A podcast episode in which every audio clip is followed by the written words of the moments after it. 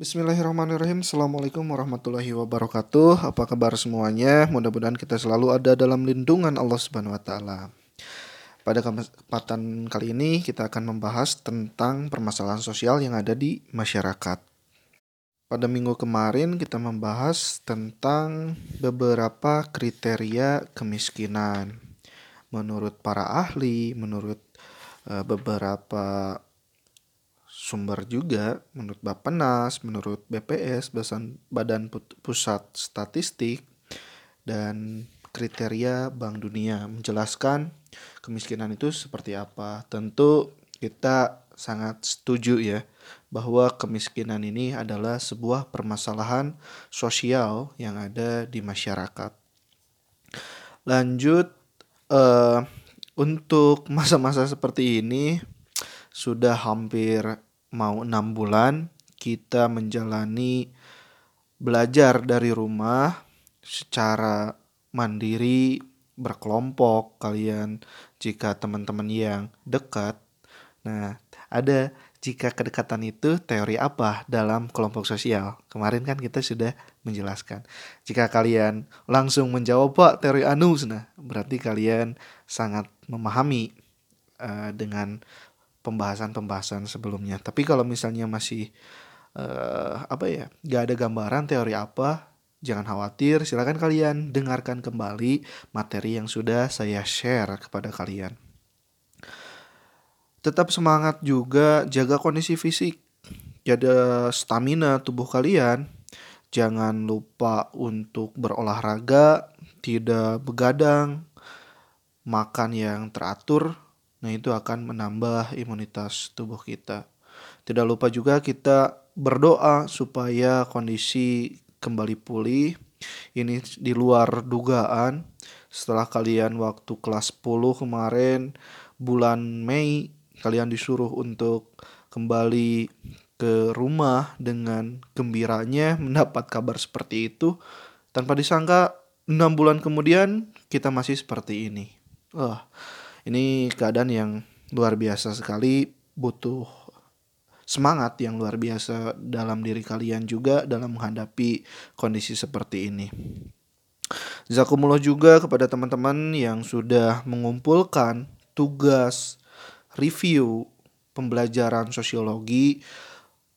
Untuk pembelajaran saya, setiap pertemuan kenapa dikasih tugas review ini membuktikan kalian mengikuti pembelajaran tersebut ya.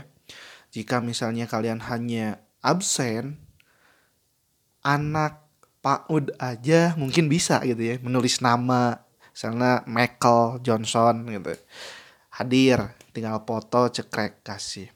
Tapi sedikitnya setidaknya kalian bisa mereview uh, pembelajaran apa yang saya kasih nih pak senang gitu kan. Nggak apa-apa tidak benar-benar ditulis semua perkataan saya tapi kalian rangkum mana yang kalian kira itu penting dan butuh pemahaman yang lebih lagi Nah ini membuktikan bahwa kalian mengikuti sebuah pembelajaran dan hanya tidak formalitas saja.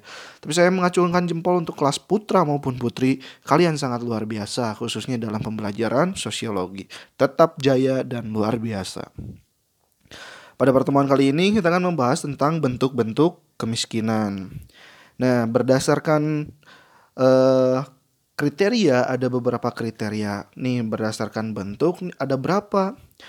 Bentuk-bentuk kemiskinan dapat diuraikan berdasarkan beberapa kriteria berikut ini. Yang pertama, berdasarkan dimensinya. Jadi kemiskinan itu bisa dilihat berdasarkan dimensinya. Berdasarkan dimensinya, bentuk-bentuk kemiskinan juga dapat diuraikan menjadi empat, yaitu kemiskinan akibat globalisasi, kemiskinan terkait pembangunan, kemiskinan sosial, dan kemiskinan konsekuensial.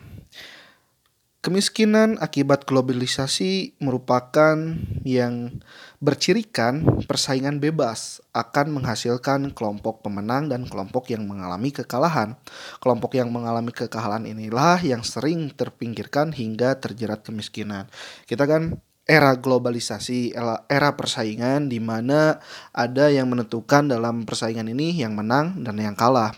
Dalam artian yang bersaing dalam dunia bisnis, ada yang kalah, ada yang menang. Nah, yang kalah inilah yang mengakibatkan kemiskinan. Yang kalah terpinggirkan, misalnya bangkrut dan lain sebagainya. Di era globalisasi ini kita kan dituntut serba kreatif Nah, yang kalah dalam artian tidak bisa bersaing dalam dunia bisnis salah satunya. Ini masih masih banyak lagi dalam era globalisasi. Silahkan kalian cari contoh-contohnya seperti apa. Kemiskinan terkait pembangunan. Kemiskinan dapat terjadi akibat belum meratanya pembangunan di sejumlah daerah. Kurangnya prioritas pembangunan yang menyeluruh kawasan pendesaan, Pesatnya laju pembangunan di perkotaan juga menyebabkan ketidakmerataan. Nah, ini bisa menjadikan sebuah kemiskinan yang desa semakin tertinggal, yang kota semakin maju dalam fasilitas-fasilitas sosial, kesehatan dan lain sebagainya kalau tidak menyeluruh kan. Kalau di desa-desa yang sangat terpinggirkan, pembangunan fasilitas-fasilitas itu kan susah untuk mengaksesnya. Nah, ini juga bisa mengakibatkan kemiskinan dari bidang pembangunan. Kemiskinan sosial. Kemiskinan sosial mengacu pada kemiskinan yang dialami oleh perempuan, anak, dan kelompok minoritas akibat diskriminasi dalam masyarakat. Terus kemiskinan konsekuensial merupakan dampak dari konflik berencana bencana alam, kerusakan lingkungan, ataupun ledakan populasi. Nah ini ber, berasal dari konflik, bencana alam, dan lain sebagainya. Terus kemiskinan berdasarkan dimensi itu ada empat, sekarang berdasarkan jumlah penyandangnya. Ada beberapa bentuk nih ada kemiskinan massa, ada kemiskinan non massa. Kemiskinan massa apa apa katanya? Kemiskinan yang dialami secara massal oleh penduduk dalam suatu wilayah atau kawasan tertentu. Hal ini berarti terdapat begitu banyak warga yang secara faktual tidak mampu memenuhi kebutuhan fisik minimumnya sehingga terpaksa hidup serba kekurangan serta mengalami kondisi hidup tidak layak bagi harkat dan martabat kemanusiaan. Kemiskinan non masa, kemiskinan non masa adalah kemiskinan yang dihadapi atau dialami oleh segelintir warga saja, gitu hanya beberapa itu perbedaannya. Terus C yang ketiga berdasarkan penyebabnya. Ada beberapa bentuk juga berdasarkan penyebabnya. Kemiskinan alamiah, kemiskinan struktural, kemiskinan kultural, serta ada tiga. Kemiskinan alamiah, kemiskinan struktural dan kemiskinan kultural. Kita bahas satu-satu. Kemiskinan yang disebabkan oleh daya dukung lingkungan yang tidak memadai untuk menopang kehidupan manusia selayaknya. Daerah yang mungkin menyebabkan terjadinya kemiskinan alamiah di antaranya adalah daerah yang tandus dan berbatu tidak menyimpan potensi tambang. Misalnya kemiskinan alamiah ini adalah seperti si A ditempatkan hidup di gurun kalau misalnya di gurun kan tahu gak bisa nanam apa pun bercocok tanam dan lain sebagainya boro-boro hayang nyen balong gitu nya cai buat minum juga susah misalnya. Kalau ataupun di kawasan daerah-daerah yang tandus tahu kan tandus seperti apa? Dan daerah berbatuan nah itu kalau kita ditempatkan di seperti di tempat seperti itu otomatis kita bakal susah untuk memenuhi kebutuhan diri kita sendiri secara alami lah gitu ya Kemiskinan struktural yang disebabkan akibat lemahnya sistem atau struktur sosial di dalam masyarakat, masyarakat miskin seolah-olah dibuat tidak berdaya akibat adanya pola kebijakan dan aturan dari pemerintah selaku penguasa yang dianggap cenderung tidak berpihak apalagi untuk memperhatikan kondisi masyarakat miskin agar dapat lebih mandiri dan berdaya. Ini mah gara-gara struktural dari atas tidak merata dan tidak terperhatikannya masyarakat-masyarakat yang miskin yang ada di kawasannya akibat struktural lemahnya sistem struktur sosial. Misalnya di pedesaan perkotaan dan sebagainya. Kalau misalnya struktur sosialnya kurang menyeluruh itu bisa mengakibatkan sebuah kemiskinan di daerah tersebut. Terus kemiskinan kultural Kemiskinan yang berasal dari merosotnya moral dan mentalitas akibat kebudayaan yang diyakini dan dianut oleh suatu masyarakat. Fenomena kemiskinan kultural tampak dari dipertahankan sifat-sifat tertentu, misalnya malas, tidak mau bekerja keras, selalu menggantungkan hidupnya kepada belas kasihan orang lain, dan pasrah pada nasib tanpa ada kemauan untuk berusaha dan bekerja. Nah, jangan ada apa ya kata-kata malas dan lain sebagainya bisa berbudaya katanya kemiskinan. Guys ayak tuna gitu. Malas dan lain sebagainya yang disebutkan barusan. Coba tendang jauh-jauh. Terus eh, beberapa kriteria kemiskinan ini jika kita tidak bisa menanggulanginya secara baik maka itu akan menimbulkan masalah-masalah sosial. Dari gejala-gejala sosial ini akan menimbulkan masalah-masalah sosial yang bisa berdampak sangat luar biasa juga pada kehidupan sehari-hari kita di masyarakat.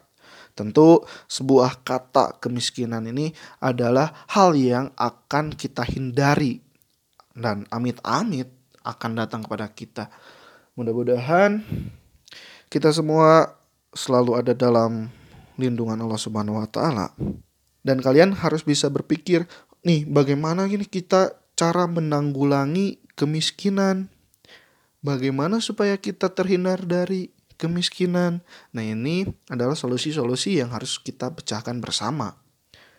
Kita tahu secara aktual, secara data presentasi Indonesia beberapa kawasan di Indonesia berada di zona kemiskinan. Menurut data pada 2015 silakan daerah-daerah mana aja pulau-pulau mana aja yang menduduki tingkat garis kemiskinannya itu di bawah gitu ya. Ada beberapa data silakan kalian cari data-data tersebut bagaimana cara penanggulangannya di berbagai media. Nah, pemerintah juga kan sudah memberikan sebuah solusi untuk menangani kemiskinan yang terjadi di Indonesia ini. Nah ini solusi ini termasuk kepada struktur sosial gitu ya, solusi-solusi terstruktur dari atas ke bawah, atas ke bawah merata enggak gitu ya. Dan di antara lain pemerintah juga melaksanakan berbagai program penanggulangan kemiskinan dengan memanfaatkan kriteria RTS, rumah tangga sasaran Nah, apa Pak senang kriteria rumah tangga sasaran? Ada beberapa kriteria rumah tangga sasaran yang menurut pemerintah jika saya sebutkan satu-satu di sini kalian bakal bingung. Silakan kalian searching apa itu RTS dan kriteria RTS itu seperti apa untuk pemahaman kalian. Yang masuk ke kriteria RTS ini akan mendapatkan bantuan dari pemerintah. Yang pertama, katanya program keluarga harapan atau PKH. Nah, PKH itu juga mempunyai kriteria yang berbeda-beda. Terus ada lagi selanjutnya, program bantuan siswa, siswa miskin atau BSM.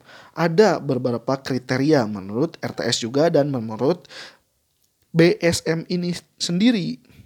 Terus program jaminan kesehatan masyarakat atau Jamkesmas ada lagi program beras untuk keluarga miskin atau raskin, program nasional pemberdayaan masyarakat PNPM Mandiri. Nah, di PNPM Mandiri ini kita ditunjang uh, untuk lebih beraktif aktif lagi ya pengembangan masyarakat, terus bantuan langsung masyarakat, peningkatan kapasitas pemerintah dan pelaku lokal, bantuan pengelolaan dan pengembangan program. Ini lebih ke bantuan dana gitu kan kalau di PNPM Mandiri.